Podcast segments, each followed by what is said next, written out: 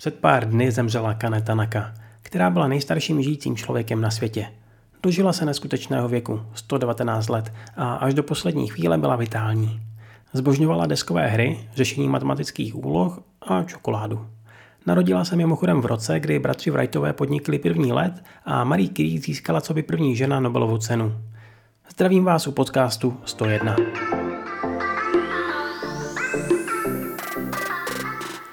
Stále více firm mluví o zavedení čtyřdenního pracovního týdne a některé jako Shionogi nebo Panasonic to už dokonce testují. Na Japonsko revoluční myšlenka.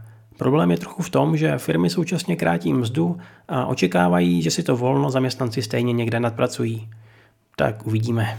みずほフィナンシャルグループは社員が希望した場合に 週休3日や4日といった働き方を認める方針を決めました Odpadkové koše ve veřejném prostoru v Japonsku skoro nepotkáte a bude jich ještě méně. Tokijský dopravní úřad totiž oznámil, že ze svých stanic velmi brzy odstraní všechny odpadkové koše. Zůstanou pouze recyklační boxy na prázdné obaly od nápojů vedle automatů. Co Japonsko před lety vedlo k omezení košů, se dočtete ve starším článku na jata.cz. Odkaz v popisku.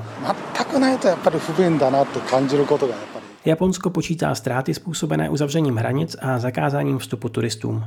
Jeden z profesorů Univerzity Kansai je odhadl na nejméně 22 bilionů jenů.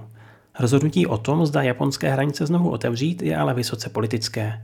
V červenci se totiž budou konat volby do horní komory parlamentu a premiér Kishida stojí mezi dvěma skupinami. Zatímco podnikatelé tlačí na otevření, veřejnost si tím není úplně jistá. Pro větší uvolnění se v nedávném průzkumu stanice NHK vyslovilo jen 27% dotazovaných. Nezbývá než si držet palce. A na závěr přidávám seriálový typ od Zízy. Mějte se. Matané.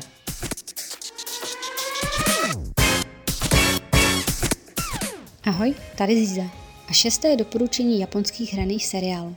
Zalíbila se vám Yoshitaka Yuriko z předchozího doporučení a nechcete se na ní podívat v roli, kde tolik nenamluví? Tichou, ale rostomilou postavu si střihla v romantické komedii Love Shuffle, kde se čirou náhodou ve výtahu zasekne čtyřici lidí. Slovo dá slovo, až to dopadne tak, že si ti čtyři budou vyměňovat partnery a teprve přijdou na to, kde je chyba.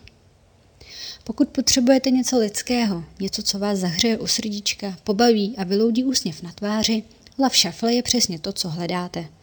Najednou se osm lidí začne více zbližovat, začnou se otvářet nové vztahy a je úplně jedno, jestli je to přátelství nebo láska. Vy tomu totiž také propadnete a najednou zjistíte, že máte o pár kamarádů navíc. Všechny totiž poznáte do hloubky, odhalíte jejich nitro a budete je toužit obejmout, poplácat po rameni, smát se s nimi, případně budete chtít skopnout ze schodů. Scénárista Nojima Shinji ví, co dělá. Jeho postavy ožívají a žijí se vlastními životy i po vypnutí obrazovky. Nechte se seriálem Love Shuffle zahřát.